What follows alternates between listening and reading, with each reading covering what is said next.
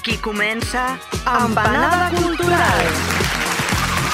Un programa cuinat per Paul Dibler, Adriano Calero, Carles Martínez, des de Ràdio Fabra.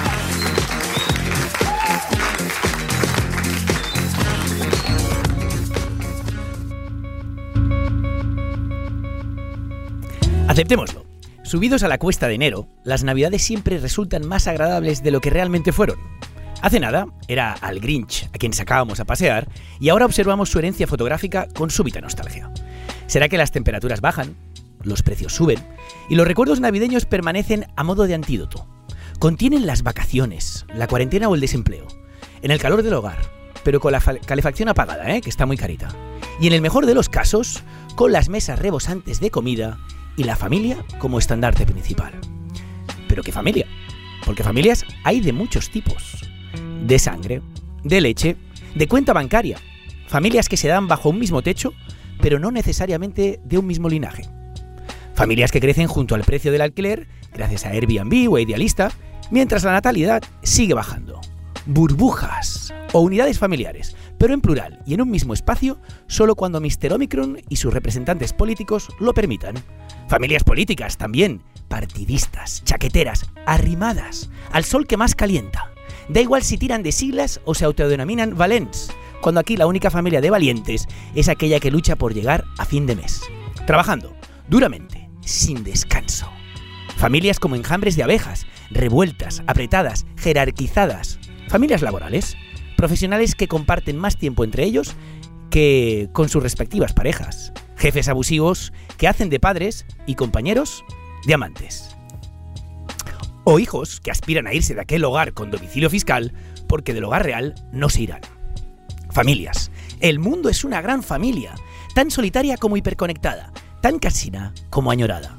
Familias, en la cercanía y en la distancia. Familias empanadas. Así es, empanadas de cultura y de verborrea apasionada. ¿Os suena, verdad?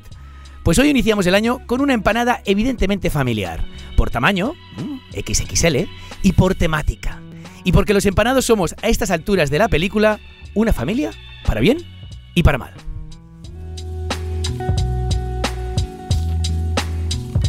Això eh, sé que és una clara Me ha dado un referència... chungazo, ¿eh? Casi me ahogo, ¿eh? Bravo, Que, bravo. això és una clara bravo, referència a la família que sempre diu Fast and Furious, ¿no? Vin Claro, Diesel. hombre, por favor, por favor, por favor. Todo por la familia. This is the family. No, esto es. Això es la familia. Oh, Això qué es la familia. Esto es lo que le decía eh, mi profesor de artes marciales.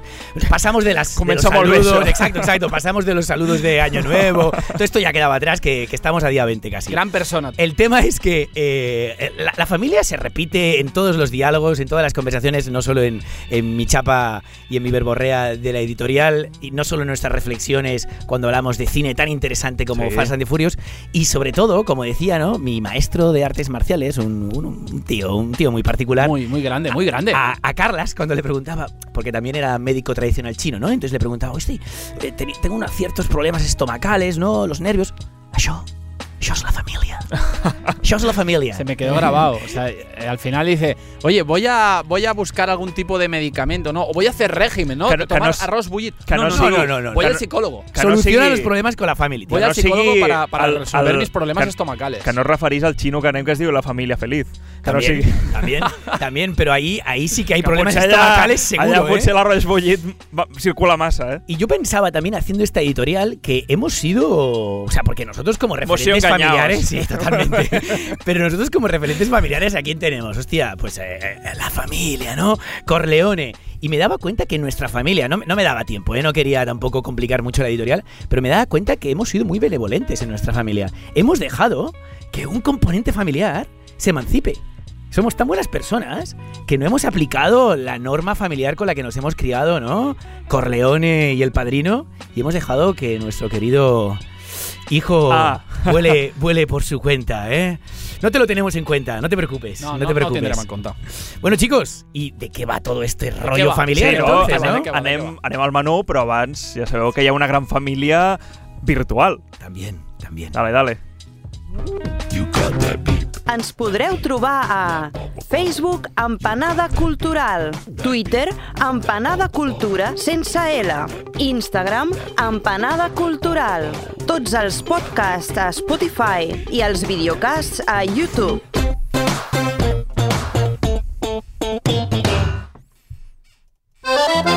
Menú del dia. Menú familiar, ¿no? Avui- esto era de lo que hablaba. Sí, sí, sí. O sea, el Corleone cerrado, has venido a la boda de mi hija Exacto, ¿eh? a exacto. pedirme esto. Pero, no hablaremos, vas? ¿no? De Corleone, ni de familia no, no, Adams, no, no. ni de la Sagrada Familia, por cierto, tampoco. Sí, que ara s'ha pagat. Sí, sí. Esto ya, ya lo comentamos. ¿De qué hablamos hoy, Paul? Que me parece que... Ah, no, No, no, no, no, el primer plat, el piscolabis És cert, és... eh, a, veure, a veure si té a veure amb família o no. A veure si, com a videojocs, a veure si té a veure amb família. Bueno, o sea, sí, ¿por qué no? ¿Por qué no? ja això és la família. Això comencem malament. La per què no? Vamos a hablar del estómago. No. Eh, clar, o sigui, fixeu-vos, fixi, fixis vostè. Fixi vostè. Fixis vostè. Vam parlar d'expressionisme, del postimpressionisme. Clar, aquesta vegada pues, anem a patar on? Al surrealisme, eh, que és una altra O vanguardia. sigui, que anem en ordre cronològic. Bueno, és a dir, clar, aviam, eh, les coses pot eh, renovar, pot conviure, pot... Ja... Sí, sí que és veritat que ho estem fent d'aquesta manera, no? Vale, Hòstia, me está llamando vale, mi madre. Vale, por favor, se ha dado por cuenta. favor, no me Ah, llames se ha mira, dado en el cuenta. WhatsApp. perquè sa mare, favor, que és espera. pintora professional, ha dit Mama, Niño, estic a la ràdio, perdona. No, no puc parlar. ¿Ves? La ha dit, familia... ha dit aquest, aquest noi no fa bé les seccions. Se. Deixa'm entrar a mi, deixa'm entrar a mi. El tema es. Seguimos. Eh, eh, todo esto y aún estamos en el menú. El tema Vamos, és vamos. eh, aquest, tot aquest, eh, aquestes vanguardes, no? aquestes avantguardes. Clar, eh, parlem d'una clarament de, del període d'entreguerres, com és aquest surrealisme, i amb un quadre que va ser dissenyat justament per trencar amb el cànon religiós de la família, vale? que és una obra de Max Ernst que es diu La Verge Maria castigant el nen Jesús davant de tres testimonis. Vale. El vale. Reis Max. Vale, vale, vale. No digo más. Es Ya- una pistita ahí. És una pista, Ahí. no, ens ho trobarem. Más de uno la estará visualizando. Yo, en cambio, como has dicho surrealismo, solo visualizo a la abuela esa y dice ¡Surrealismo! Sí, con, lo- con los bigotes. Exacto. cuéntame, cuéntame, Paul, ¿y tú qué nos traes? Vale, segon plat d'avui vindria a ser un llibre. Un llibre que us l'anava a escriure, però és que... O sigui, tenia pensada una mini, ja, una mini introducció, però és que veig al darrere del llibre i m'ha encantat la frase d'actualité, que defineix el llibre com una novela cruel, abrupta, inflexible, zarandea a sus personajes, los engaña, los manipula, nos manipula a nosotros, los lectores de carne y hueso. O sigui, només amb això us dic que avui portem El verano en que mi madre tuvo los ojos verdes, de Tatiana Tibuleac, i dona bastanta canya al tema família. Joder, joder, vas fuerte. Veo que, que pasamos del surrealismo a, a las tinieblas, ¿no? sí, Un sí, poco. totalment. Y yo, mira, como, como precisamente hemos estado tanto tiempo fuera compartiendo con la familia, ¿eh? La familia. Me, me voy a tomar la licencia de no traer una única película hoy, sino dos. Mi pretensión era mayor, era mayúscula. Quería traer tres películas. És que tu en quieres tu programa. modo- o sigui, sí, sí, digueu exacto. ja, pro- proposeu ja a Ràdio Fabra que. No, es mentira, es Hay un mentira. anexo. Yo después cuando estoy solo me aburro, necesito a alguien a quien darle la chapa. Yo solo, esta sensación de hablarle a una cámara nunca me ha acabado de gustar del todo. Prefiero, con la excusa de hablaros a vosotros, que, que el resto se entere. Entonces, como os decía, tres películas que evidentemente contemplaban esta, esta reflexión familiar. Tres películas que han salido pues, al final, ¿no? Al final del año 2021 y que por lo tanto muchos de nosotros hemos podido ver en estas en este calor del hogar, ¿no? Que mencionaba en la editorial. ¿Y cuáles son estas películas? Pues una que nos queda cerquita, El buen patrón, ¿m? de Fernando León de Aranoa con con un Javier Bardem que está, vamos, que se sale. Después fue La mano de Dios de Paolo Sorrentino. Esta sí que de alguna manera se mete en un concepto familiar más asequible porque la familia del buen patrón es una familia laboral bajo la idiosincrasia española, ya lo veréis. Y mi tercera apuesta, que no va a llegar, simplemente la anuncio porque llegará en cuestión de semanas o de meses, es El poder del perro. Poder del perro, un peliculón de Jane Campion, sobre todo aquí lo puede confirmar nuestro amigo Paul, que también abordaba la familia, pero era un western y ya la palabra western, si la saco aquí, no, no acabamos. No, no, Imagínate, no voy acabamos. tercero con acabamos. tres películas y acabando con una peli que lleva western. No, no. Decía gran Henry King, decía en Tierra de Audaces. Nada, así que nos quedamos con Fue la mano de Dios, ha estado la mano de tío y el buen patrón. Pero, por favor, Uriol, empecemos. Empecemos con arte. Art.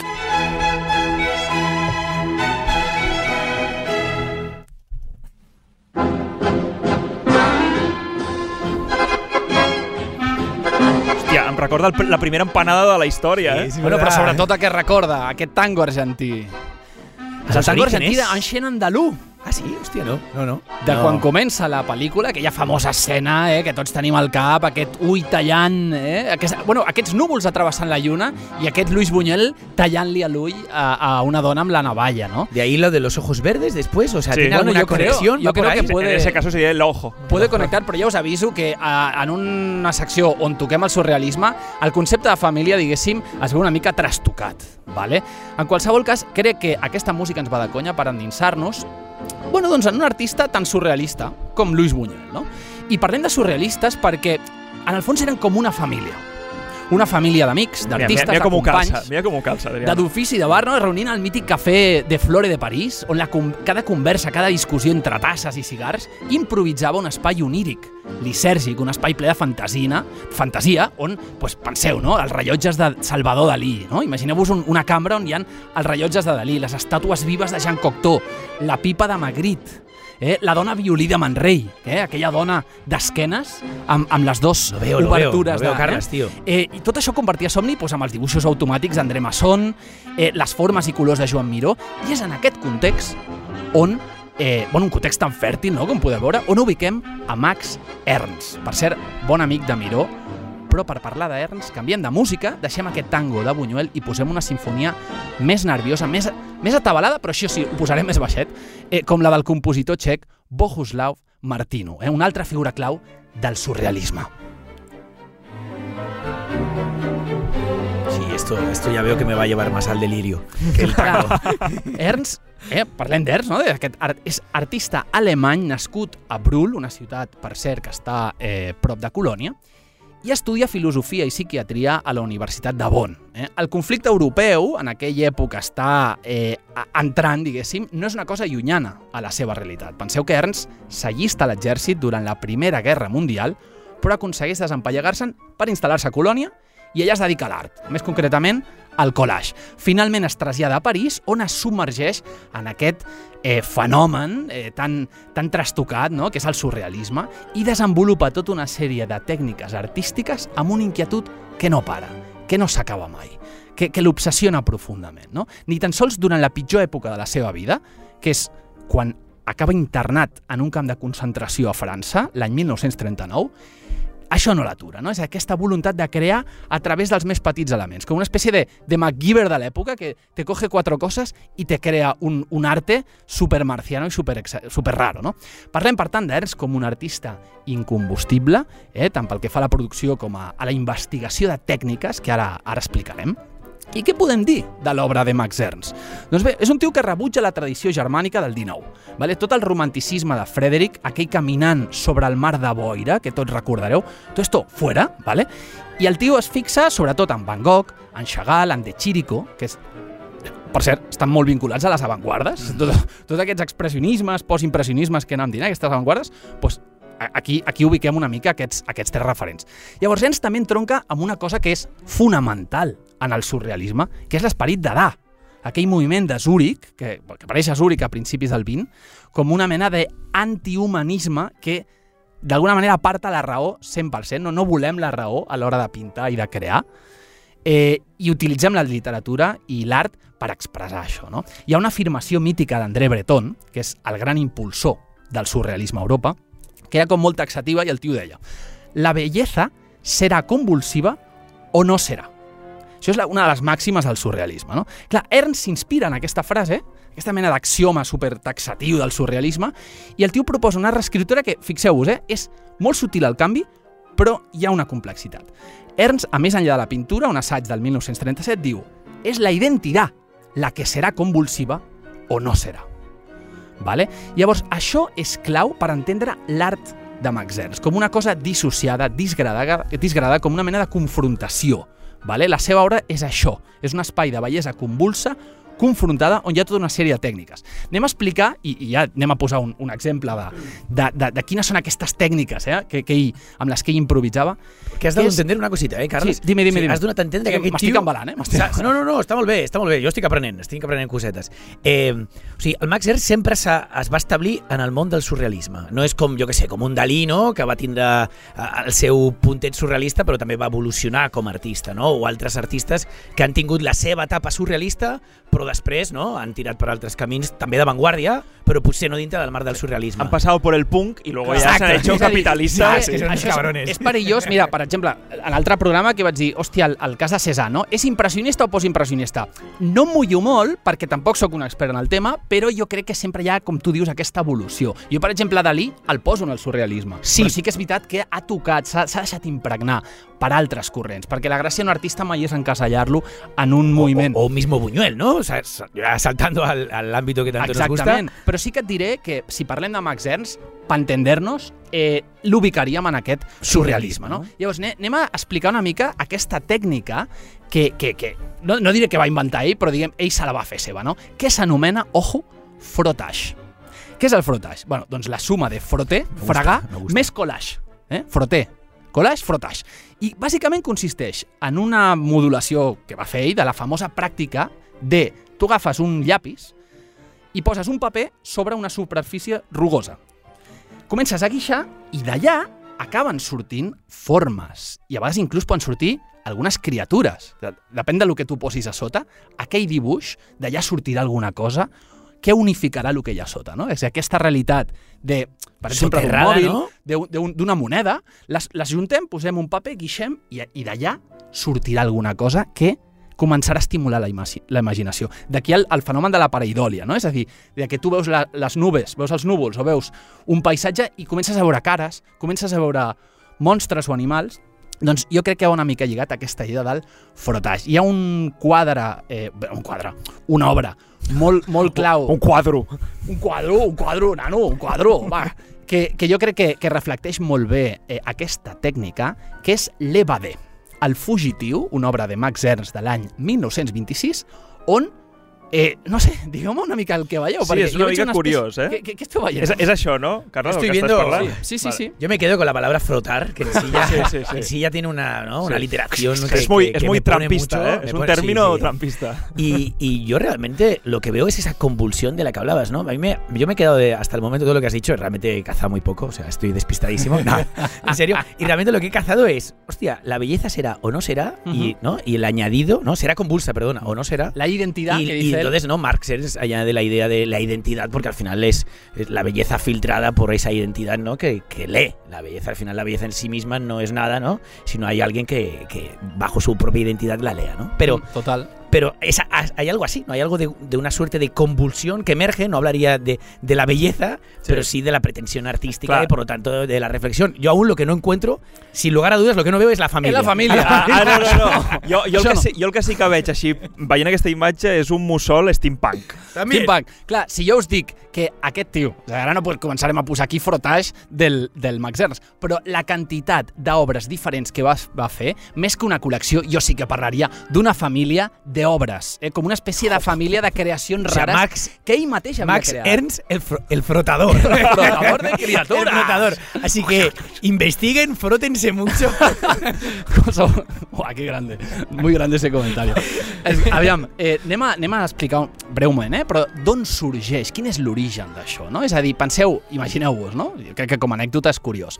Eh, una tarda de pluja en una habitació d'hotel a Pòrnic, una ciutat prop de Nantes, i el tio, per matar l'avorriment, Max Ernst, pues, comença a pintar el terra. És a dir, a pintar el terra, posar tot de papers allà i comença a guixar de manera que els taulons de fusta del terra projecten aquestes imatges, no? que, com dic, després porta a altres nivells, comença a sofisticar, a posar-hi altres elements, i es fa doncs, amb aquesta espècie de, de, de família de los monstruos, no?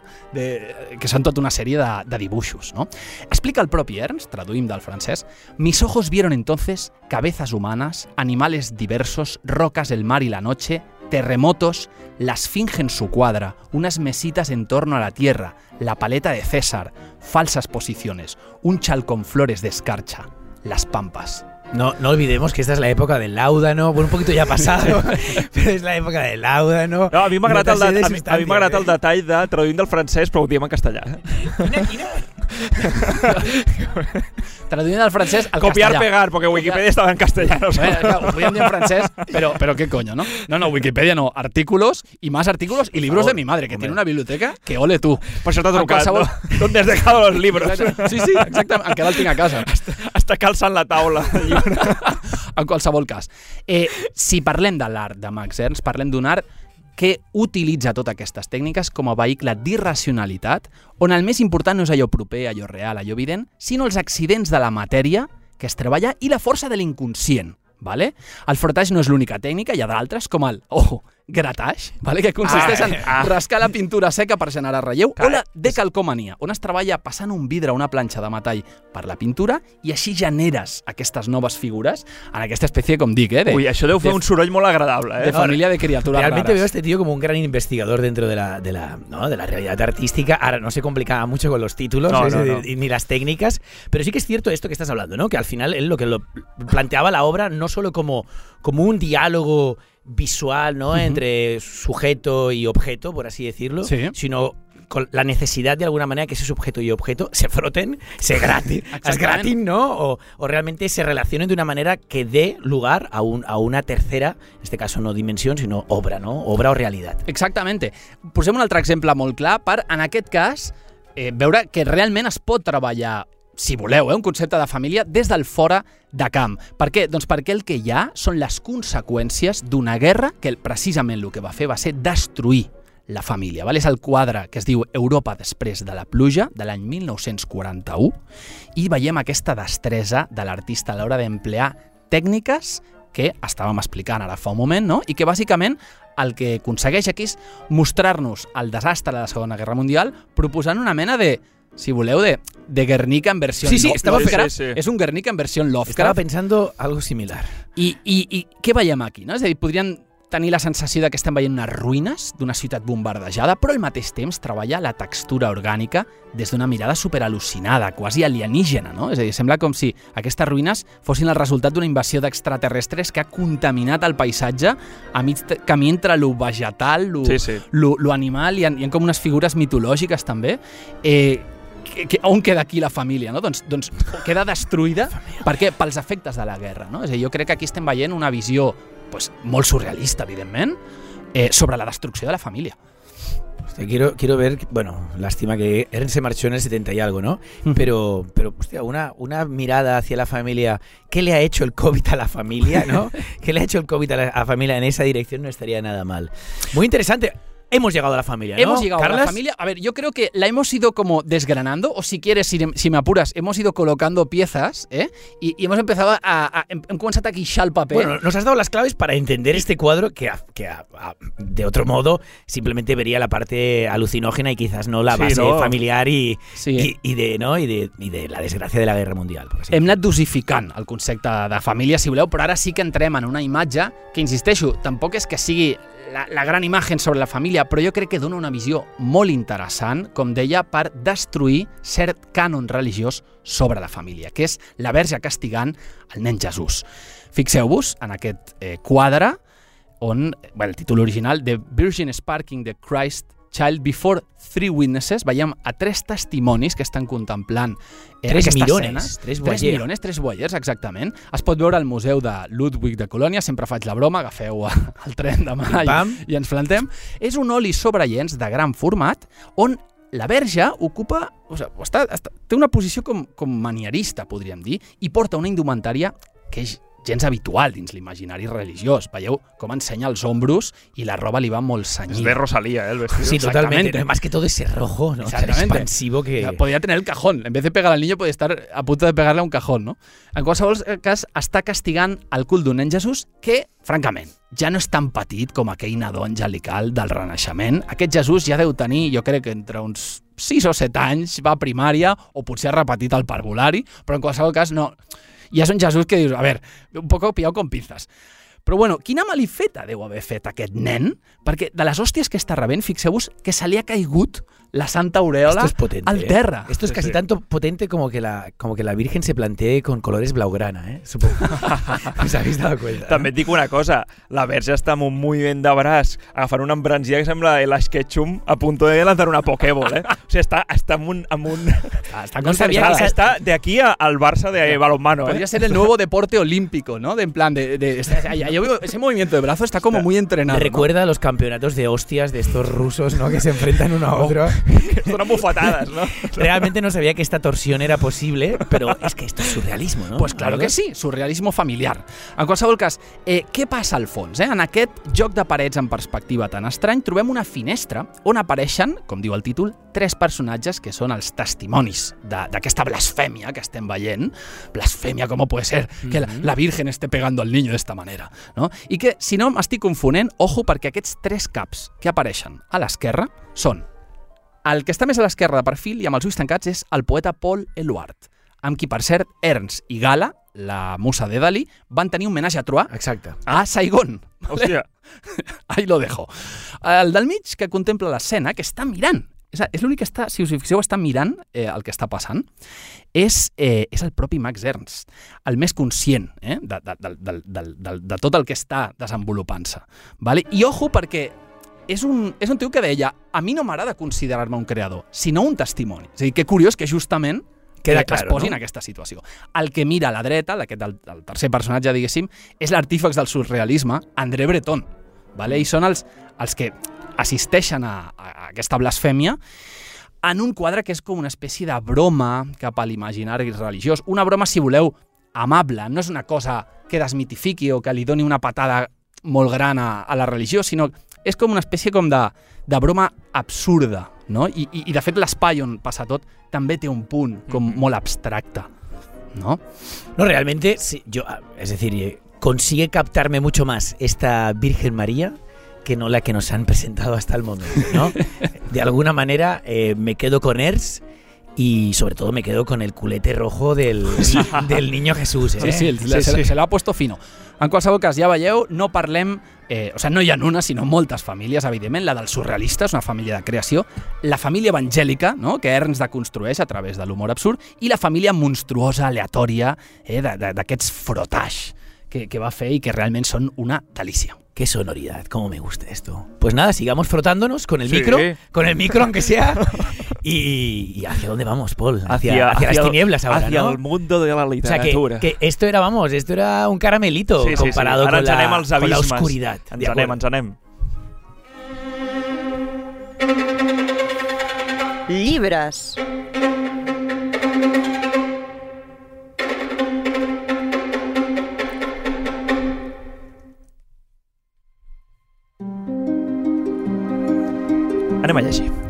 Aquella mañana en que la odiaba más que nunca, mi madre cumplió 39 años. Era bajita y gorda, tonta y fea. Era la madre más inútil que haya existido jamás. Yo la miraba desde la ventana mientras ella esperaba junto a la puerta de la escuela como una pordiosera. La habría matado con medio pensamiento. Junto a mí, silenciosos y asustados, desfilaban los padres, un triste atajo de perlas falsas y corbatas baratas, venido a recoger a sus hijos defectuosos escondidos de los ojos de la gente. Al menos ellos se habían tomado la molestia de subir. A mi madre yo le importaba un pimiento, al igual que el hecho de que hubiera conseguido terminar unos estudios. Y sabéis bien. Pegué la cara al cristal y permanecí así, contemplándola, hasta que salieron todos los chicos, incluso Mars, con su silla de ruedas, incluso los huérfanos a los que tras la puerta esperaban las drogas y los hospicios. Y Jim, mi mejor amigo, me saludó con la mano y gritó que no me suicidara este verano. Espera... Qué bajo, ¿eh? Gracias. Déu-n'hi-do, Ah, eh? Déu-n'hi-do. Estaba con sus padres que lo habrían que lo habrían vendido por sus órganos en un abrir y cerrar de ojos si no le hubieran importado los comentarios de la gente.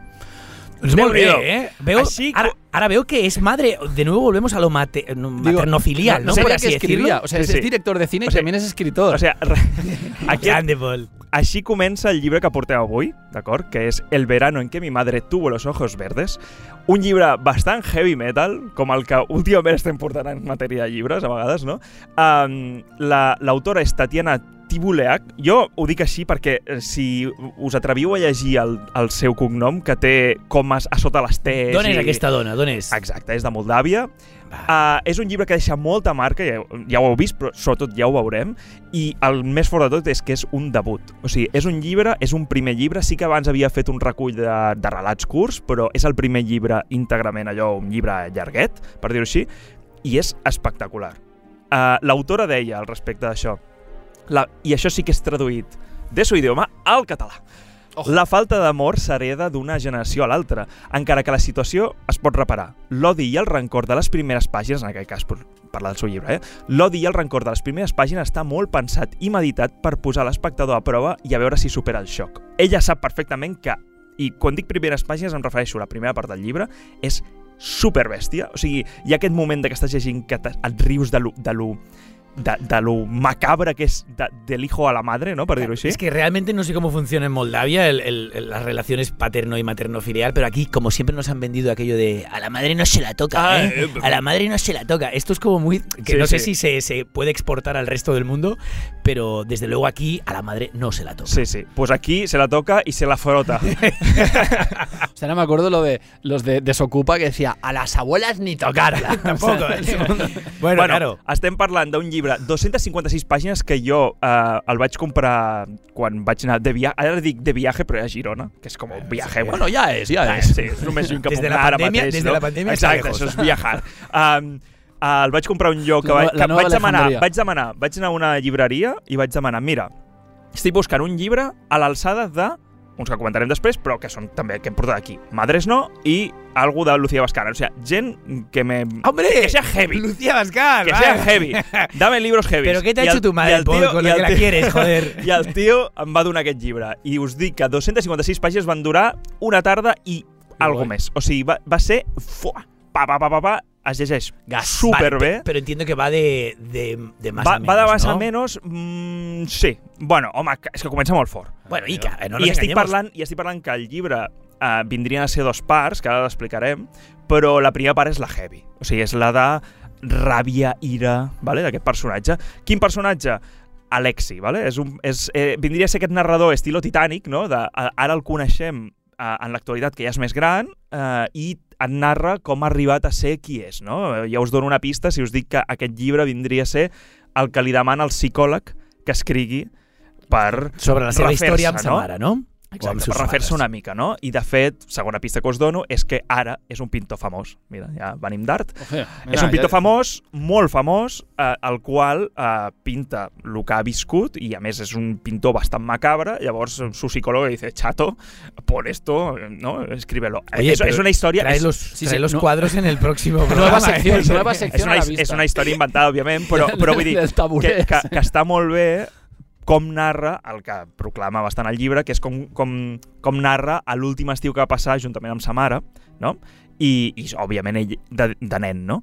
Uh, ell fa molt bé, o sigui, la Tatiana, en aquest cas, l'autora, la, la, l'autora, juga molt bé amb aquest pas de, de passat, present, passat, present, perquè ho fa d'una forma com el que es diu en guió cliffhanger, no? Allò, uh, et, uh, cada capítol et deixa uh, amb, amb aquest de què, què passarà o per què és així ara mm, i et va plantejant com és com a pintor, com l'accepta la societat ara, tot i ser un, el típic misfit, no? un, un, un, una persona que és repudiable, és escarosa, però uh, uh, no és allò, a partir de, de tu pena es queda tu arte, no? Ojo amb lo del cliffhanger, cliffhanger, perquè a vegades pot ser fins a cert punt manipulador vers el lector. Entenc que no estem en no, aquest no, no. Eh, bueno, cas, a veure, eh? manipula, us he dit abans que manipula... El, O trampós. El, el, el, però no és trampós, no, no és... És a dir, és un llibre que no és un thriller de ai, què va passar? No, no, és un, és un llibre per anar veient els entramats entre un, un, un, bueno, un fill i una mare. En aquest cas, la meitat del llibre és un nen i una mare, no?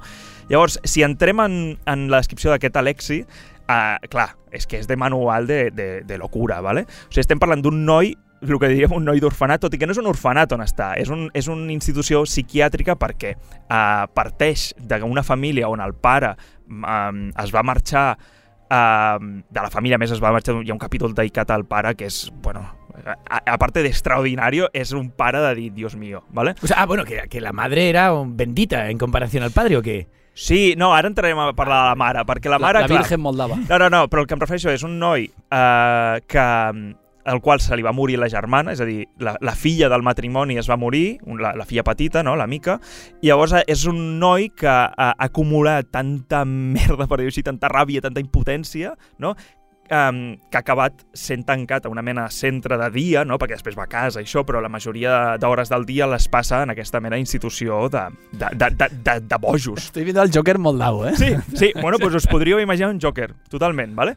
Però, uh, i aquí la gran part d'aquesta primera part del llibre no? és, és com, com, com carrega contra aquesta figura de la seva mare, no? Una dona que, que ell mateix ja qualifica de, de titella, no? no? De titella em refereixo de que tothom la porta per on vol, és una persona passiva, és una persona... Aquesta falsa felicitat de no, tot, tot va bé, no... Llavors, clar, veient el panorama que té la seva família, eh, ell viu amb, diguéssim, sa mare i sa àvia, amb la germana morta que sempre està allà present, no?, i tot això, i és que és una situació molt difícil, no?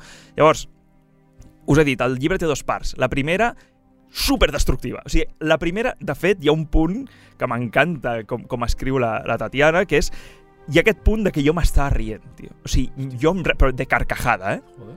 Però és un riure de un riure nerviós te de dir, de conocemos, dir, Paul. O sea, no- no clar, hace falta si us agraden que- les macarrades, aquest llibre és perfecte, però aquesta primera part us posa a prova però perquè realment és tan despectiu. Però hi ha un punt, i a més juga molt amb metàfores, o sigui, és un nen que, per dir-ho així, quan, quan ho narra, no, tot, com va tot, com és la situació a casa, com descriu el mercat on va sa mare, i ho descriu com si fos, bueno, el circo de... O sea, és que tot és Bueno, com porque- tan, tan uh, extrem. Tengo la sensación de que cuando exageras tanto una realidad, ¿no? pues llega un momento que, claro, se vuelve una caricatura. Así sea súper hiriente y mordaz en sus comentarios, claro, has, has, ¿no? has girado tanto la tuerca que se ha dado de Totalmente. sí y entonces ya puedes conseguir lo contrario, que quizás es lo que te debería leerlo, ¿no? Para acabarlo de entender, pero que quizás es lo que plantea la escritora. A mí me pica mucho la curiosidad que haya elegido la figura, una figura masculina, ¿no?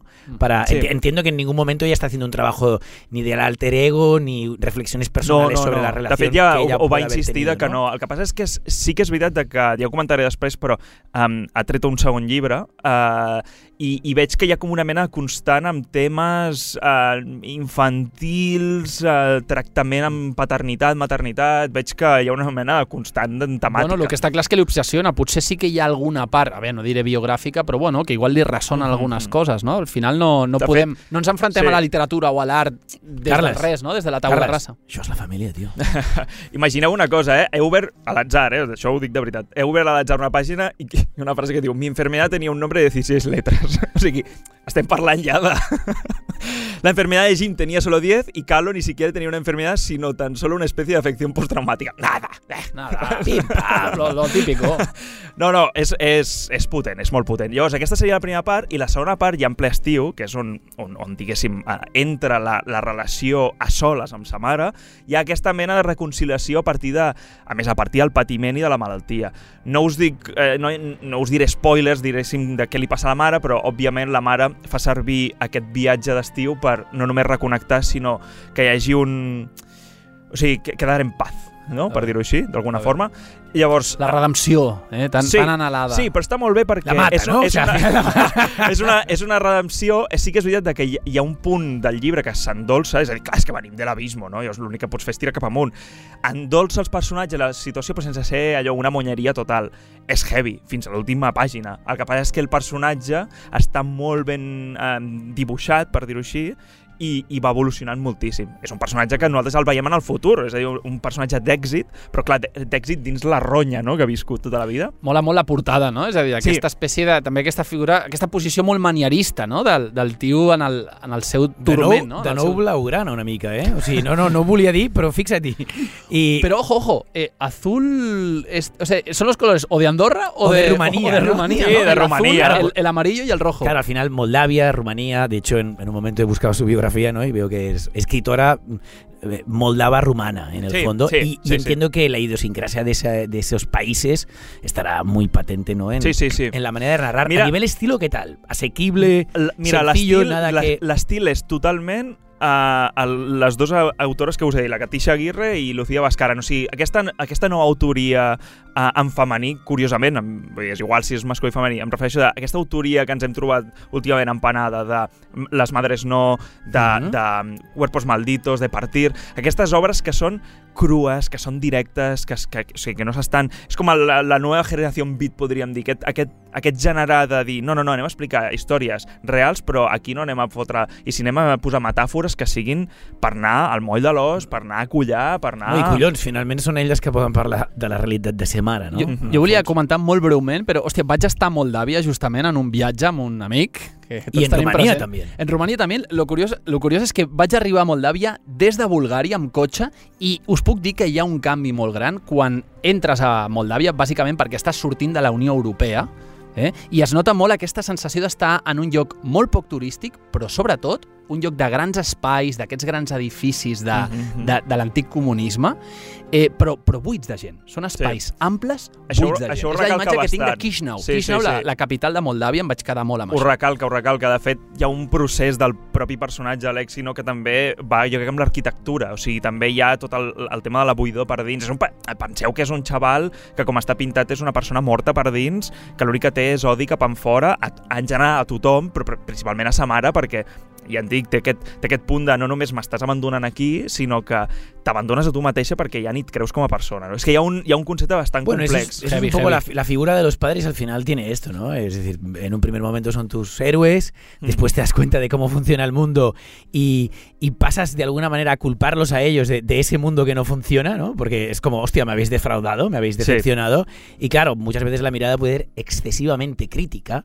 Con, con- con dos personas que al final, si algo, por lo general, por lo general, porque tampoco se puede hablar así de todos los padres, te han dado la vida y te, te han criado, te han alimentado y te han intentado educar y mucho más, están intentando sobrevivir en paralelo a Sí, ti. sí, que, eso sí, es, que esa es la otra, que, que es que ni, por lo tanto ni son héroes ni tampoco son auténticos patéticos en vida. Me, me quedo con una frase que he cazado así al vuelo, que habla de los ojos, ¿no? Que dice, los ojos de mi madre fea eran los restos de una madre ajena muy guapa. Mm. A, A més, a muy més, potente, a eh? més Mucha de, fet, de fet, cada capítol, més o menys, entra amb una frase de los ojos de mi madre, algo. Ok. O sigui, cada capítol eh, es va endolcint a poc a poc. Això potser ho has agafat més del principi, però cada cop és més... Llavors, res, eh, aquesta transició que us deia del personatge, eh, hi ha una frase del, del propi personatge que diu en el llibre que Mhm. d'ell mateix, clar, hi ha un punt tant d'autoconsciència, ell és aquell punt de tant en- autoconscient i superintel·ligent, no?, que diu porque los seres humanos están enfermos y podridos y lo saben y fingen por miedo estar sanos y ser buenos y porque así es más fácil. O sigui, ell sap perfectament de què està fet caldo, que és una persona con, con trastornos i tot, però bueno, al final, com que co- sus colegas de clase eso, o peor, pues bueno, pues Eh, vamos, no, y- vamos tirando. Y está en lo cierto, ¿no? Es, es así. Al Sí, final sí. Esto, esto que lo rescato de, de un libro de, de Darrell, ¿no? El Cuarteto de Alejandría, que dice esto, ¿no? Oh, Estar semidespierto en un mundo de sonámbulos es aterrador, pero solo al principio. Luego aprendes a disimular. ¿no? Y entonces, también de ahí muchas veces surge el conflicto paterno-filial. Primero por responsabilidad de, hostia, ¿cómo tomaste la decisión de traerme a este puto mundo? ¿no?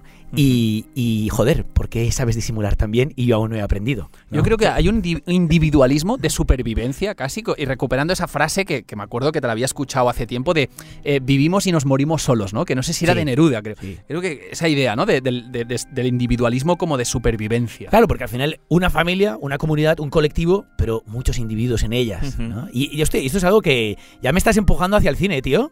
Ya me estás empujando. Ah, Ara acabo, ara acabo, Adriano, que ja m'està aquí fotent aquí la patada al cul, eh? La, la bufetada al cul com el niño Jesús. no, es que tampoc son això. cosas que... No, no, no. És, és per engranar-ho tot Ara, en aquesta ara diré una cosa, ara, ja- per anar acabant, per anar acabant, que és una cosa que li agrada molt a l'Adriano, escoltar dels altres. No, no, y de mí, pero faltan 10 minutos cuando lo no digo. passa res, no To passa sum up, res. Uh, estil, ja ho hem comentat, és super cruel, intens, agressiu, impacta molt al llegir, però sí que és veritat que, que té aquesta bellesa que ja us he dit altres obres, tipus Partir, tipus... però, o sigui, aquests llibres que hem llegit de les madres no, està ple de metàfores, realment és, és, hi ha molta bellesa, està escrit superbé com per llegir-lo del tirón i dir necessito més, està tan ben escrit i, i vaig llegir una crítica que deia és com una rosa, bonica però amb moltes espines. Vale. És un llibre d'aquests Um, Sí, no, se sobretot nota, la eh. primera part, sobretot la primera una part, belleza eh? convulsiva, Sí. como la de Max Ernst. De alguna I re- manera. I per ja ara sí, mm, despedir la, la secció, uh, ha guanyat la tira a premis aquest llibre, òpera prima, eh, recordem, Mhm. el Premi de la Unió Europea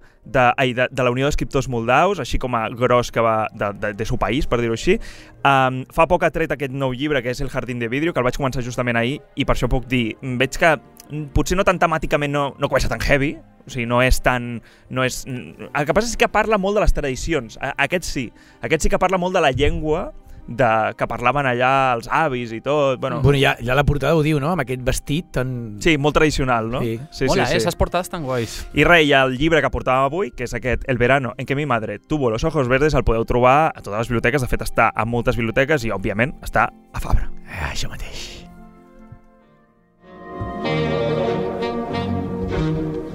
Cinema.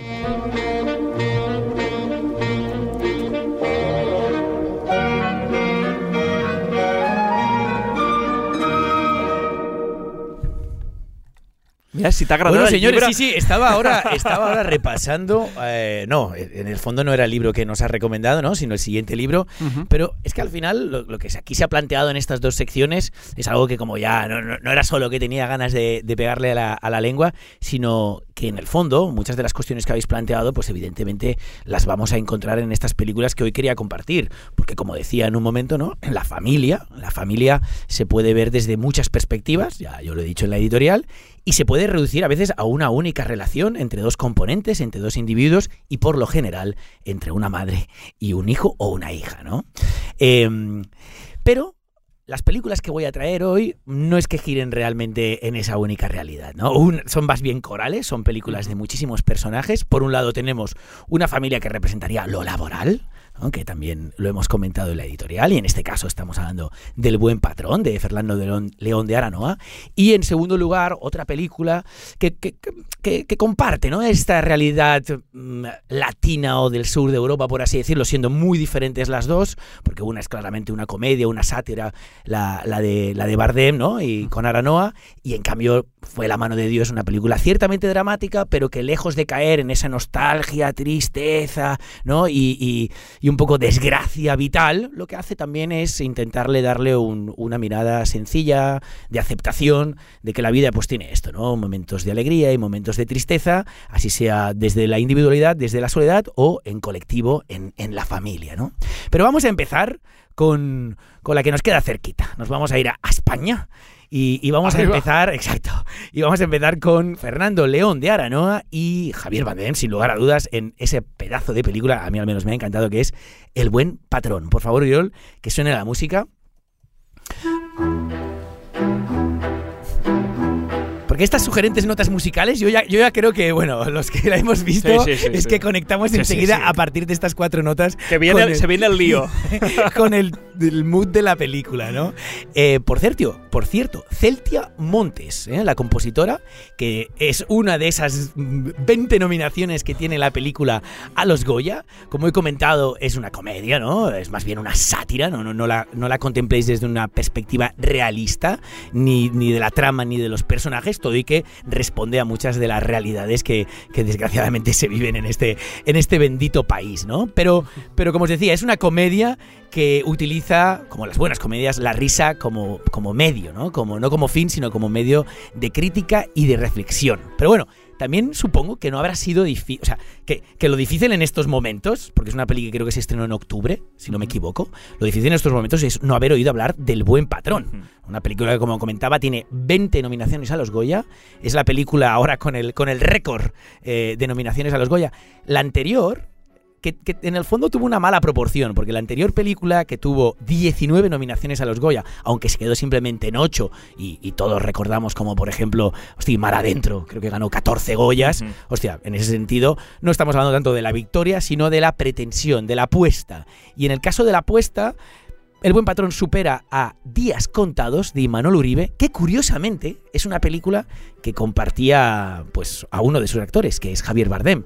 Aunque Javier Bardem en El buen patrón protagoniza y en aquella época se curraba un papelazo de heroinómano increíble, pero era un secundario. Un secundario que le que esos ocho Goyas que se llevó Días Contados de Imanol Uribe, uno de ellos era eh, el primero de hecho de Javier Bardem. Peli de los 90, ¿eh? Esos días contados o inicios de los 2000. peli que aborda el conflicto vasco, que Mm. lo hace desde una perspectiva social, no exclusivamente política, eh, porque como he mencionado, ¿no? Hay un personaje heroinómano y era una realidad que también corría en las calles, y como muchas veces, pues eh, el, el drama venía de estas dos realidades. ¿no? és de, del 94. No, me llama la atención. Es que he estado recuperando cine kinky de los 80. Del, del- Pero no, del- pero, no- pero entiendo que aquí no nada lo que ver. ¿eh? Lo que englobaría. pasa es que me llama la atención como en, los, en, en la España más de serie B de los 80 y ese cine kinky del, del, bueno, del, de la iglesia, ley de la iglesia y esas pelis, del pico y tal. Y en los 90 como que sigue, pero desde una óptica, entiendo, completamente distinta. Mucho ¿eh? más, social. severa. de hecho, es una película, hostia, y Manuel Uribe no, no lo compararía a León de Aranoa en, en su filmografía, pero hostia, León de Aranoa, sabéis que es el, ha sido siempre, ¿no? El, el- el claro referente, de, o uno de los claros referentes en el cine español de cine social. Eh, Empezó con, de hecho, empezó con una película que se llama Familia. Ah, sí? Familia. Que no después, y después Barrio. Oh, Barrio, qué buena. Actualidad, actualidad. Necesitaba hablar de, de lo vivido en estas, en estas fechas navideñas. Y, y bueno, y, y seguimos. Después tuvo Princesas, Mm. un documental que de hecho era producción de Bardem. Bardem era quien, quien había metido el dinero y la pasta y se llamaba Invisibles. Era un documental que hablaba sobre realidades invisibles al mundo occidental, evidentemente realidades dramáticas, y cada uno aportaba un episodio. Eran cuatro, cuatro episodios, entre ellos uno de León de Aranoa. Varios directores, ¿eh? Un- Sí. Una obra de varios directores. En esa época estaba también la, la catalana que nos gusta tanto y, y que triunfa en. Bueno, en- en- iba a decir en Madrid o en. La, la Cuixet, ¿no? Dius? Exacto, Ah, vale. La Cuixet. Y León de Aranoa y dos, dos, dos más. Uno era Wim Wenders, si no me equivoco, y un cuarto que ahora no recuerdo, ¿no? Pero bueno, simplemente mencionar que León de Aranoa era una, pues un personaje, un director siempre posicionado en este cine social que últimamente ha ido, haci- ido mutando un poquitito porque su última película, hostia, fue un desastre, que fue la de Loving Pablo, que intentaba recuperar. Ui, sí. Bueno, Ah, també era el Bardem exacto. i la Penélope Cruz, eh, bueno, fent de, fent de, com es diu, el, mafioso El de Narcos. sí. paisita por excelencia, ¿no? y, ¿Escobar? y- Escobar, Escobar, això, Escobar. Manolo Escobar. Hòstia, que Manolo Escobar, eh, el cantante. eh? Mira, Eh, bueno, li faltava això a la Penélope Cruz, hacer unas palmas, perquè allò estava més fora de lloc la Penélope allà. Esa película fue un desastre, es justo la anterior, y la anterior a esa película es eh, una película que, de carácter internacional, que es eh, la que protagonizaba precisamente Guillermo, eh, Guillermo Benicio del Toro, Benicio puede del ser que Toro, saliera? exacto, Tim Robbins, Mm. y era un día perfecto, esto, un día perfecto. Como, como obra de cámara casi, ¿no? No- Una no cosa muy ver, concreta. no he podido ver estas Mm. películas. Lo que vengo a decir con todo esto es que sí que es cierto que León de Aranoa ya no es ese cineasta social de, de un, de un corte audiovisual casi como muy neutro, ¿no? De, de un tono directo como casi el del documental. No, ni mucho menos. Ya ha entrado más en, en una pompa cinematográfica que en este caso yo considero que está bien utilizada. Porque sí, en El Buen Patrón hay mucha pompa. Hay muchísima, muchísima pompa y vuelvo a insistir, eh, es una pompa que, que- que se, le, se le puede permitir todo, ya solo, ya solo por el hecho de que Bardem se curra un papelazo. Os digo yo que no es normal, lo de Bardem no es No, no. normal, por muy querido y odiado que, que pueda ser, eh, ¿no? El, el famosete que hay detrás, finalmente, es un tío que, hostia, que es tan creíble su rol como, como buen patrón, ya nos entendemos, eh, un rol de empresario castizo y paternalista, que te acabas planteando si el auténtico Bardem realmente existe, ¿no? Pasa algo como con, con Peter Sellers, que él respondía siempre, who is Peter Sellers? No, No, Bardem se nota que tiene un carácter bastante evidente, pero hostia, aquí te olvidas que Sí, es sí. Bardem. Jo et dic una cosa, de- jo et perdona, dic eh, una diu- cosa. El Bardem, en aquesta pel·li, jo, jo us dic, eh, la vaig veure ahir, o sigui, la tinc super recent. Veies la pel·li i dic, a, a part del papelón que fa, és, és que trobo que és, el, per mi, el millor paper que ha fet, eh? A ver, Déu-n'hi-do, se me ha olvidado comentar Los lunes al sol, que es otra película de León de Aranoa. Buenísima. y es precisamente una película en la que Bardem también luce muchísimo. Y a mí Mar Adentro me parece una película súper maniquea Sí, y aunque él totalmente hostia, de acuerdo. hacía un papelazo, ¿no? Interpretando, eh, no recuerdo el nombre, ¿no? De pero este personaje real y, y lo calcaba, me parecía una mímesis total. Bueno, como estaba al servicio de una película mucho más maniquea y floja, que a mí no me gustó, ¿no? No, me, no me convenció, no recuerdo ese papel, pero sí que es cierto lo que dices, Paul, que junto a estos a estos papeles estaríamos Increíble. hablando y, y claro, hostia, nos podríamos enfrentar a que Bardem, en, que es otro de esos grandes nominados, ¿no? En esas 20 nominaciones que tiene la película, volviera a ganar un Goya, porque evidentemente está nominado a mejor actor. Y que volviera a ganar un Goya querría decir que se ganaría 6. Se És nuestra Meryl es Streep. nuestro sexto Goya, exacto. Bueno, después del el Oscar por. eh, hablamos de Oscar, ¿eh? pero el de No es país para viejos, ese chigur, ese loco, brutal. o sea, ¿no? Exacto. Yo, yo, ahora que decías lo de Peter Sellers, un poco esa idea del actor de El hombre de las mil caras, ¿no? Sí, Que- sí, que- no, que porque Bar- realmente Bardem tendría por esto. eso lo he comparado, porque es un tío camaleónico que todo y tener un, un- un físico muy determinado ha conseguido mutar siempre en la dirección que, que la película lo exigía, ¿no? Y en su aportación, evidentemente. Has comentado muy bien, tiene además de estos cinco Goyas, un posible sexto, un, un Oscar como mejor actor de reparto en la película No es país para viejos de los de los Cohen, ¿no? Hostia, los, y los Cohen está, bueno, un Cohen está por ahí también latente para un programa futuro. Pero- Exacto. Pero, pero oye, ¿qué os parece? Si ya, yo creo que ya ha sonado lo suficiente esta musiquita. Vamos a acompañarla de, de diálogo, de imagen, aquel que también pueda. Escuchemos este tráiler, porque a fin de cuentas es un tráiler que podemos escuchar en español, entender y disfrutar, y ya veréis un poco por, en qué dirección va la película. Tenemos mucho que celebrar. Que gracias a vosotros, hoy somos finalistas del premio que da el gobierno regional a la excelencia empresarial. Excelencia. Es un momento muy delicado. No podemos tener ese individuo ahí cuando llegue la comisión. ¿Por qué nos deja sin premio? ¿Qué dicen las pancartas? Lo que dicen siempre las pancartas. Nada bueno. Equilibrio. El equilibrio es muy importante. Mi mujer dice que necesita aire. Le compro una botella de oxígeno o qué cojones hago yo. A veces hay que trucar la balanza para que la medida sea exacta.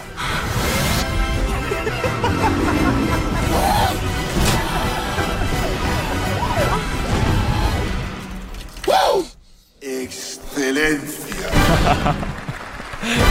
Me encanta. Excelencia. Es que suena muy bien y además es una palabra que tanto en cuanto utilizo, pero es una palabra in- in- inasequible. És un poco Mr. Barnes, no? De- Inasequible. No, no, això és quan... quan això és que has del tema.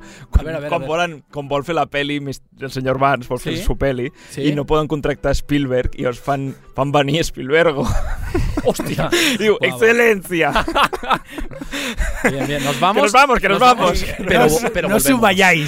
Si me queréis, quedar sus. No, ¿vale? nos vamos, pero volvemos. Sí, claro, porque, eh, hostia, a- acabamos de ver a Bardem con ese tono ¿no? que, ha, que ha modificado para ser más creíble como Julio Blanco. Al final estamos hablando de un patrón, es un dueño de una empresa de estas de provincias, una empresa de básculas, por eso la idea del equilibrio, muy importante, eh, básculas blanco, así se llaman. Y, y es ese amo y señor, pues que no solo pretende gobernar en su empresa, sino que también busca mantener un poquito el poder con sus trabajadores fuera de la empresa, ¿eh? porque él tiene la sensación de que, oye, si en tu casa va bien, en mi empresa irá bien, ¿sabes? Y si en mi empresa está yendo mal, es que algo va mal en tu casa. El status quo. O sea, responsabilidad social corporativa. ¿eh? Totalmente. Eso que está tan de moda Totalmente. Y esto me parece que a ti te suena, ¿no? Porque también me, me suena que tienes un, un jefe un poquito paternalista, ¿no? Pero bueno, es que eh, no sé si además eh, tu jefe también es como Gilo Blanco, que, que tira de sonrisa, que tira de verborrea. Además, él mismo lo dice en la película, que no ha tenido hijos porque la empresa es su familia. Y sus trabajadores son sus hijos. ¿no? Y a los hijos hay que tratarlos bien, ¿no? Y en esto yo sí que os puedo aportar, de- decir algo. eh, da mucho dolores de cabeza, aunque los trates bien, porque lo que hemos podido entender por el tráiler es que aunque él sea un cabronazo con, o sea, un, un lobo con piel de cordero, en el fondo sus hijos no se lo van a poner nada fácil. Para nada. Pero nada fácil, ¿no? Y, y salvando la diferencia de tono, y ya que hemos mencionado esta película, hostia, es que el- en El Buen Patrón pasa un poquito como en Los Lunes al Sol. ¿eh? Una película que nada tiene que ver, sí comparten dirección y actor, como hemos mencionado, pero pasa en la medida que, y además lo dice el propio León de Aranoa, ¿no? Que cuando habla de Santa, que era el personaje eh, al- a quien interpretaba Bardem en Los lunes al sol, él habla cómo este personaje vertebra al grupo y el mismo director, ¿no? Afirma que en el buen patrón sucede lo mismo. El patrón hilvana todas las tramas, aunque de una forma evidentemente más cómica y perversa. Pero esa idea de, de, de tótem al- ¿no? alrededor del cual todo el mundo todo el mundo gira y todo el mundo da la talla, porque Vuelvo a hablar de estas nominaciones, que me parece que es una gran guía para entender esta película. Estamos Sí. hablando de 20 nominaciones, Déu 8 n'hi do. de las cuales son por cuestiones interpretativas. Hemos podido ver en el tráiler a Manolo Solo, a Óscar de la Fuente. A Manolo Solo es el de. ¿Qué, qué hago? Le, le, le compro, le compro una bombona de oxígeno. Aquest- que, vive con, unos, Exacte. con unas bolsas de la compra aquí fijadas. Però és increíbles. que aquest tio és així, de veritat. És que, clar, és així. és així. O sea, tiene este... este, este Es, es enorme, a mí me encanta. Guare. Es enorme, es de estos que genera comicidad ya solo por su presencia. Por su presencia, porque realmente él no es que haga. és, el, el máximo, o sea, és el, el loser Sí, máximo de la peli. Es el loser. Después tenemos a Oscar de la Fuente, que es un loser que, que se reinvente a partir de la, de la derrota, y la derrota es que lo echen, ¿no? Eh, que lo hemos visto también por ahí. Y Almudena Amor, por ejemplo, que es la becaria. Es decir, estos actores que también tienen, eh, eh, bueno, una nominación. En, en este caso, en estos dos últimos act- actor y actriz, sería por, por, por interpretación Nobel, por así decirlo. Y, y, oye, yo como he comentado, puedo certificar que están justificadas. Hay un equilibrio total en- entre, ese, entre ese poderío de, de Bardem y el resto de la ficha artística, y así como todos, ¿no? Como comentaba el propio Aranoa, como todos gravitan a su alrededor. Hemos comentado las películas, pero vamos a entrar un poquitito más ya, y con esto acabaríamos esta película, lo que piensa o lo que pretendía el propio Aranoa cuando cuando, cuando pensaba en esta película, ¿no? Sí. Porque él mismo dice como esta precariedad que nos rodea, ¿no? La precariedad en el empleo, que creo que es visible para todos, es un desastre en el fondo. Y él dice, solo me sentía capaz de contarlo con sentido del humor. Reírnos de las situaciones, ridiculizar, es también una forma de criticar. El humor y la risa son catárticos, ayudan mucho. Y es cierto, además te lo puedo decir, que en todas sus películas lo procura, así sea con pequeños matices, ¿no? Hacia el final es una peli que evidentemente se va oscureciendo y va mirando ya hacia el drama con, con la gran hecatombe que no, que no descubriremos, ¿no? Y, y ya veremos en febrero qué acaba pasando con todas estas nominaciones, si, si premian el guion. Un guion que para mí es redondo, sí que es cierto que es una película que, a la cual se le podrían criticar algunas cosillas, ¿no? Eh, como a ti te gusta decir, alguien podrá ver en esto una one-man film, ¿no? Ah, en plan, one, one Man Show. one man show, ¿no? Sí, Es esto decir, lo hostia, decíamos- es todo Bardem. A raíz de Gary Oldman en creo que era el instante más oscuro, ¿no? Ese Churchill que hacía Oldman, que también era un One Man Show. Y yo, ante esa posible crítica, ya os, ¿no? ya os me había anticipado diciendo, yo creo que todo el mundo está en equilibrio, aunque evidentemente el protagonismo y el, y el, y el poderío lo lidera él.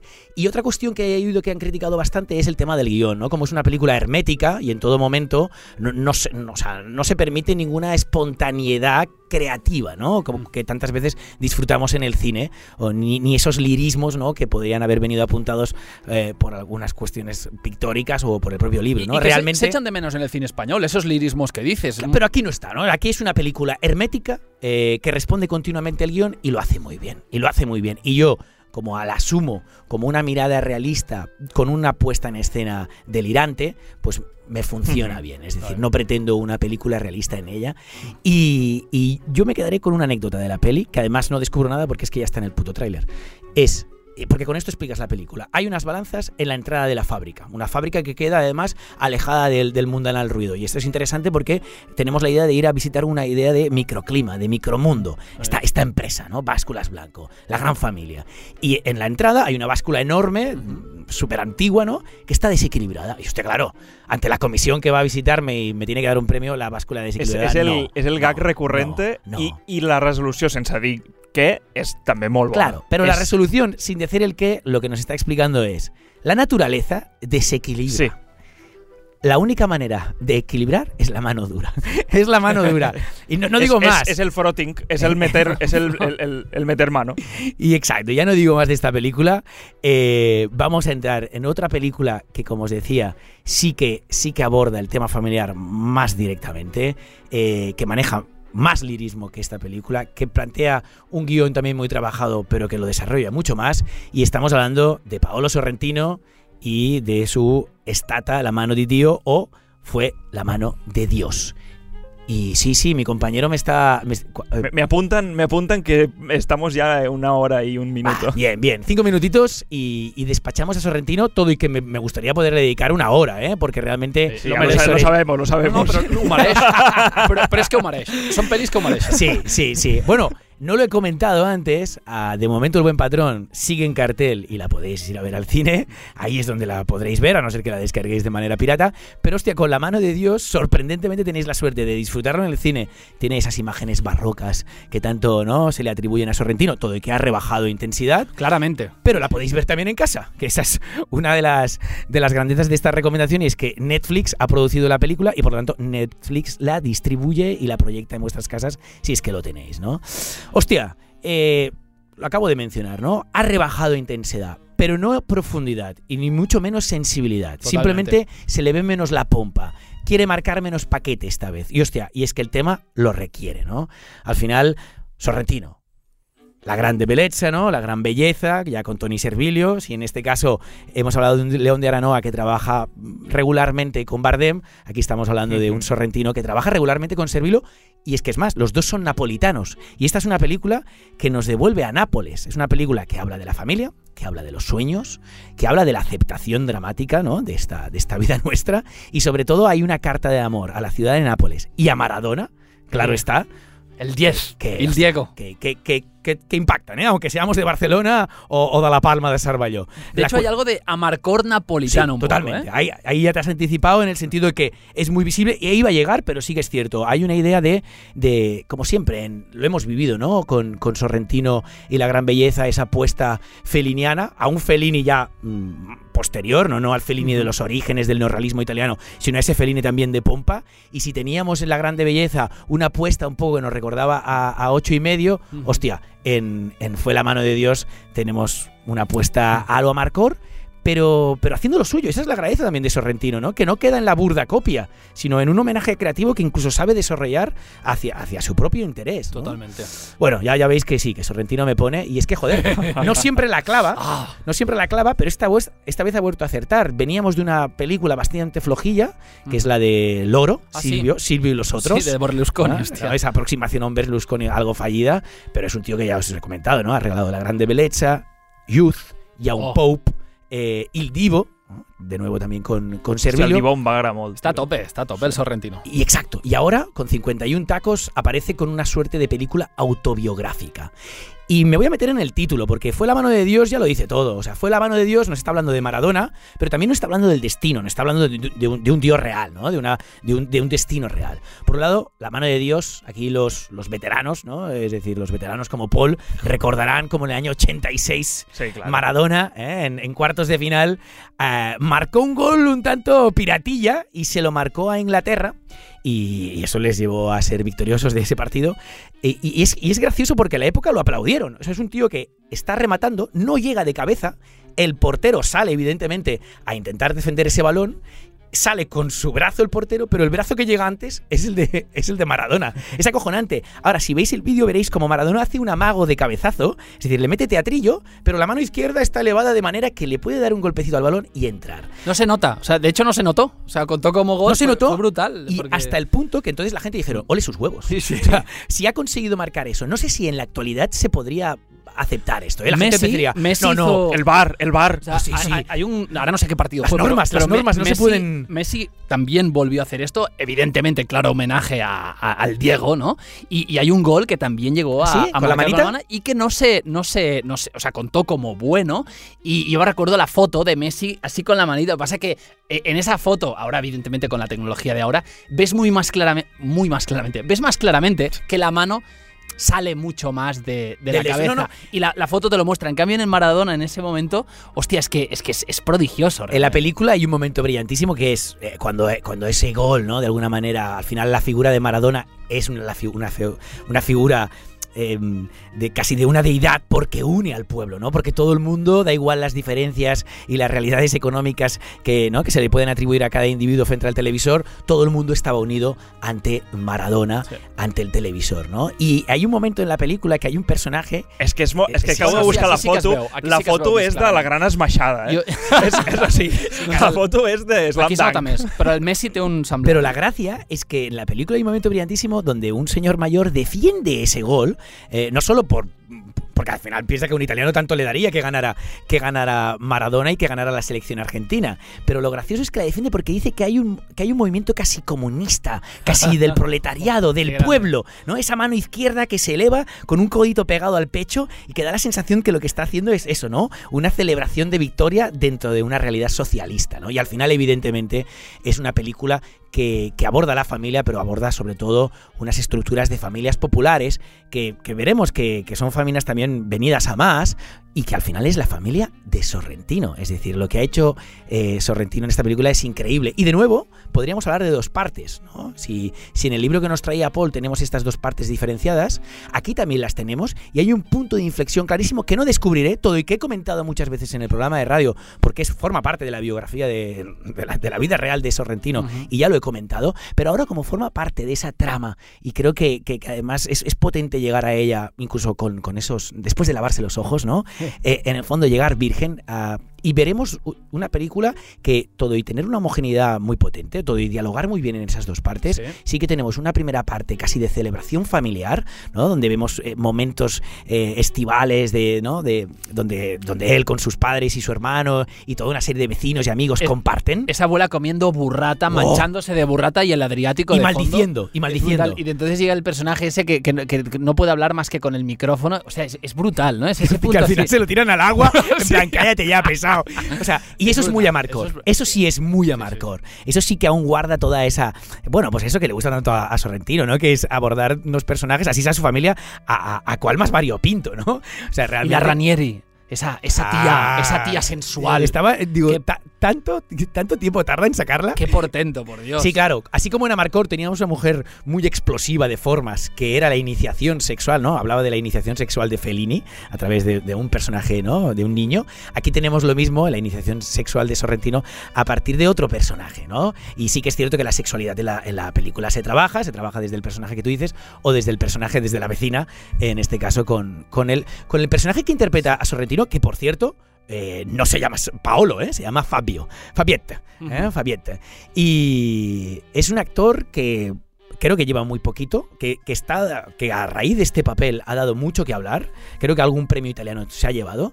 Y de hecho la película sí que se ha llevado un premio muy claro, que es el Gran Premio del Jurado de Venecia. Y está como película, como apuesta de Italia a película de Oscar, ¿no? A película, mejor película internacional, junto, evidentemente, a la otra que he comentado, El Buen, El Buen patrón. Patrón. Son las aportaciones de España y de Italia en este caso.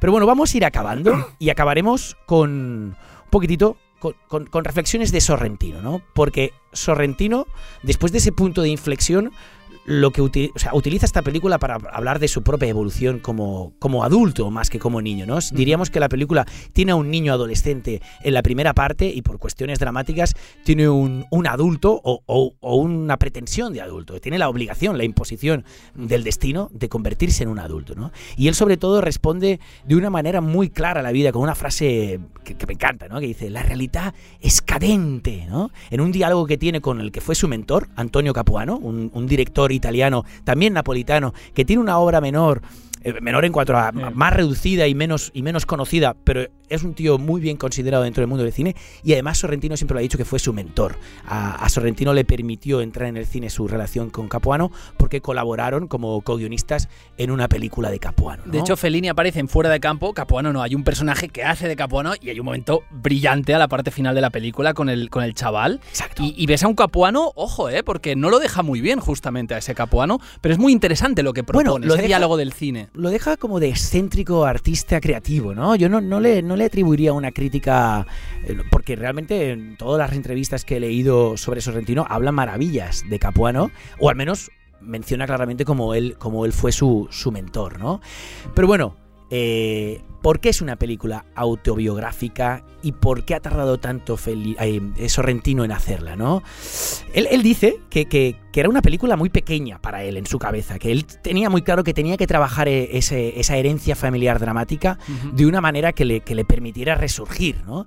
Y, y por eso su pretensión siempre había sido hacerla, pero hacerla casi para la familia, ¿no? Dice, esta es una película muy pequeña. Yo imaginé desde el principio hacerla solo para mi familia y mi gente. Y entonces dice, es una película simple, hecha de recuerdos, de experiencias, de adolescencia. Es sencilla y quería una puesta en escena sencilla. Los primeros días de rodaje intenté hacer, as- hacer las cosas como las hacía hasta ahora, pero nos dimos cuenta enseguida de que nos estábamos equivocando. Y entonces es cuando rebaja intensidad, ¿no? Rebaja intensidad y acerca al espectador a una realidad mucho más íntima. Porque como he mencionado, los hechos son reales, pero no todos son reales. Lo que sí son reales, y esto también lo dice, eh, lo dice Sorrentino, son las emociones. Y, hostia, yo creo que con eso nos quedamos hoy, ¿no? Con las emociones de siempre y con las chapas. Y con de- las chapas que Mena. ahora, ahora ponen pam pam. Te Ahora está- te está durmiendo, bien lo ¿eh? merece, bien lo merece. durmiendo, ¿eh? Es una Ol- peli, de hecho, que acabé emocionado viéndola. Está el Stato la mano de Dio. Sí, sí, es una peli Passem que- a la despedida perquè, Sisplau. perquè hora és? agenda jo crec que... Bueno, nano, pots fer quasi mitja hora. Va, Fem la despedida ja, vinga, va, hombre. va, va, va, va, vinga, que tenim molta agenda, collons. Què es cou? Como no la ha hecho él, la- le da igual, ¿sabes? Como yo me he currado ahí. Corre, corre. Como yo me he currado. Corre, corre, corre. Corre, a ver, ¿qué tenemos? ¿Qué tenemos de agenda? tuc, tuc, tuc, tic-tac. Vamos allá. Pues mira, venimos de un estreno que se llama La tragedia de Macbeth, ¿eh? de Joel Cohn, que ya me- he, he medio metido en, en mi sección y que me da, me da a mí, que dará para, para sección y para programa. Para un especial. Para un especial, de especial, Macbeth. ¿eh? Esto ya está en cartel. Cuando escuchéis nuestras voces agradables, ya la podréis ir a ver al cine. Y, si no, en Apple TV, porque solo está en un cine en Barcelona. ¿eh? En los Des- boliche. Después han estrenado, o tienen que estrenar en breve, El vientre del mar, Ja l'he vist. en filming. ¿Y qué tal? No m'ha agradat gens. La vaig Molt treure. bé. La vaig treure. La han dejado súper bien esa peli. No, no, Hòstia, no, no. no, Paul- al revés. He, he rebut de... O sigui, la, gent que l'ha crítica, vist... La, la crítica, Sí. Bueno, sí, la crítica. Vale, es una peli para es una peli para la crítica, para las pa- para los pajillators de que sí. Director de Panegra, ¿no? Estamos Sí, hablando. sí, sí. Villaronga. Ah, Y i està, que, i, que aparecía en, i, i està clar que en Gomera, ¿os acordáis? Buenísimo. sí, qué grande. I, i El està clar, mafioso de està clar que Gomera, arra- qué grande. arrasarà els Gaudí. Aquesta pel·lícula arrasarà. Esta peli tiene pinta de arrasar en, el bar- en los Gaudí como el buen patrón en los Goya, ¿no? Y oye, y después, ¿qué podréis ver cuando escuchéis este programa? Pues eh, Nightmare Alley, o Alley, La nova, la nova del Del Toro. ¿Cómo es? El callejón de las De almas, las almas perdidas, perdidas, sí, ¿no? es una ¿Lo han peli, un, clásico de Hollywood de los años 40. No sé si salía Tyrone Power, si no me equivoco, Víctor Mature, uno de los Estreno del Y- 21 de enero. Remake de Guillermo del Toro. Esto Sí, hace sí, una pinta. Esto promete. Esto flipas. promete. Y después, la semana siguiente, 28 de enero, La abuela de Paco Plaza, donde actúa precisamente Almudena Amor, que es esa actriz que yo considero que también lo hace en El Buen Patrón. Y, Y yo no. y, no. Y finalmente, eh, el nuevo rollo de Kenneth Branagh, que lo, han- lo están aplaudiendo bastante. Veure el Belfast. tràiler i, Belfast. va- i té bona pinta, eh? Sí. Claro, es que después de hacer la. Cenicienta para Disney, dices, hombre, haz algo un poco más. No sé, Sé digno, por favor. Clar, no, no, no, com, no com la Chloe Zhao, que fa Nomadland i després fa Eternals de mierda. Sí, tío, sí. Eternals. Bueno, y tenemos una serie ahí que acaba de estrenar su tercera temporada y que trajimos al programa. Afterlife, Uh. de nuestro amigo humorista británico. ¿Cómo se llama Ricky? Gervais. Ricky Esto no me lo pierdo. Afterlife, Season 3. Sí. ¿No hay hi ha- videojuegos, tío? Sí, hi ha, un, hi ha un videojoc que ha sortit fa molt poquet, que és A Eterna Noctis. S'assembla molt a aquell joc que vam portar quan vam fer Ambient, que era el Hollow Knight, aquell de los, de los bitxos, però que és d'aquests jocs super complicats. Han arribat a fer un parche per la gent que no se'l pot passar, perquè per, també pots triar per fer-lo més fàcil. Jo l'estic fent en difícil i us dic que m'ho estic passant piva, perquè realment és llarg de collons, super llarg el joc, i és super difícil. O sigui, Però val la realment- pena, val la pena. Ui, home, i tant. Estic fotent una d'hores. Bueno, Um, o sea que veo que los juegos contra más difícil y más duras me mejor, ¿no? Pero date cuenta que en el cine es al Es el reto. Dura cuatro horas, Pues es tío. Dura cuatro horas. Es tío. el reto, es el reto. Pasa- La vida es un cine. reto. Quedarte sentado cuatro horas en el sofá, eso es un reto, ¿eh? Bueno, familia. Família, Què fem? ens veiem al proper programa, que crec que serà dintre de dues setmanes, i, I- té pinta, ja s'ha comentat, no, que farem un especial Macbeth. O sea que seguimos con, con rollos familiares y... Sí, y, bueno, la- al final- una familia muy bien Pero avenida. esta vez muy sangrientos. Adeu. ¡Adiós!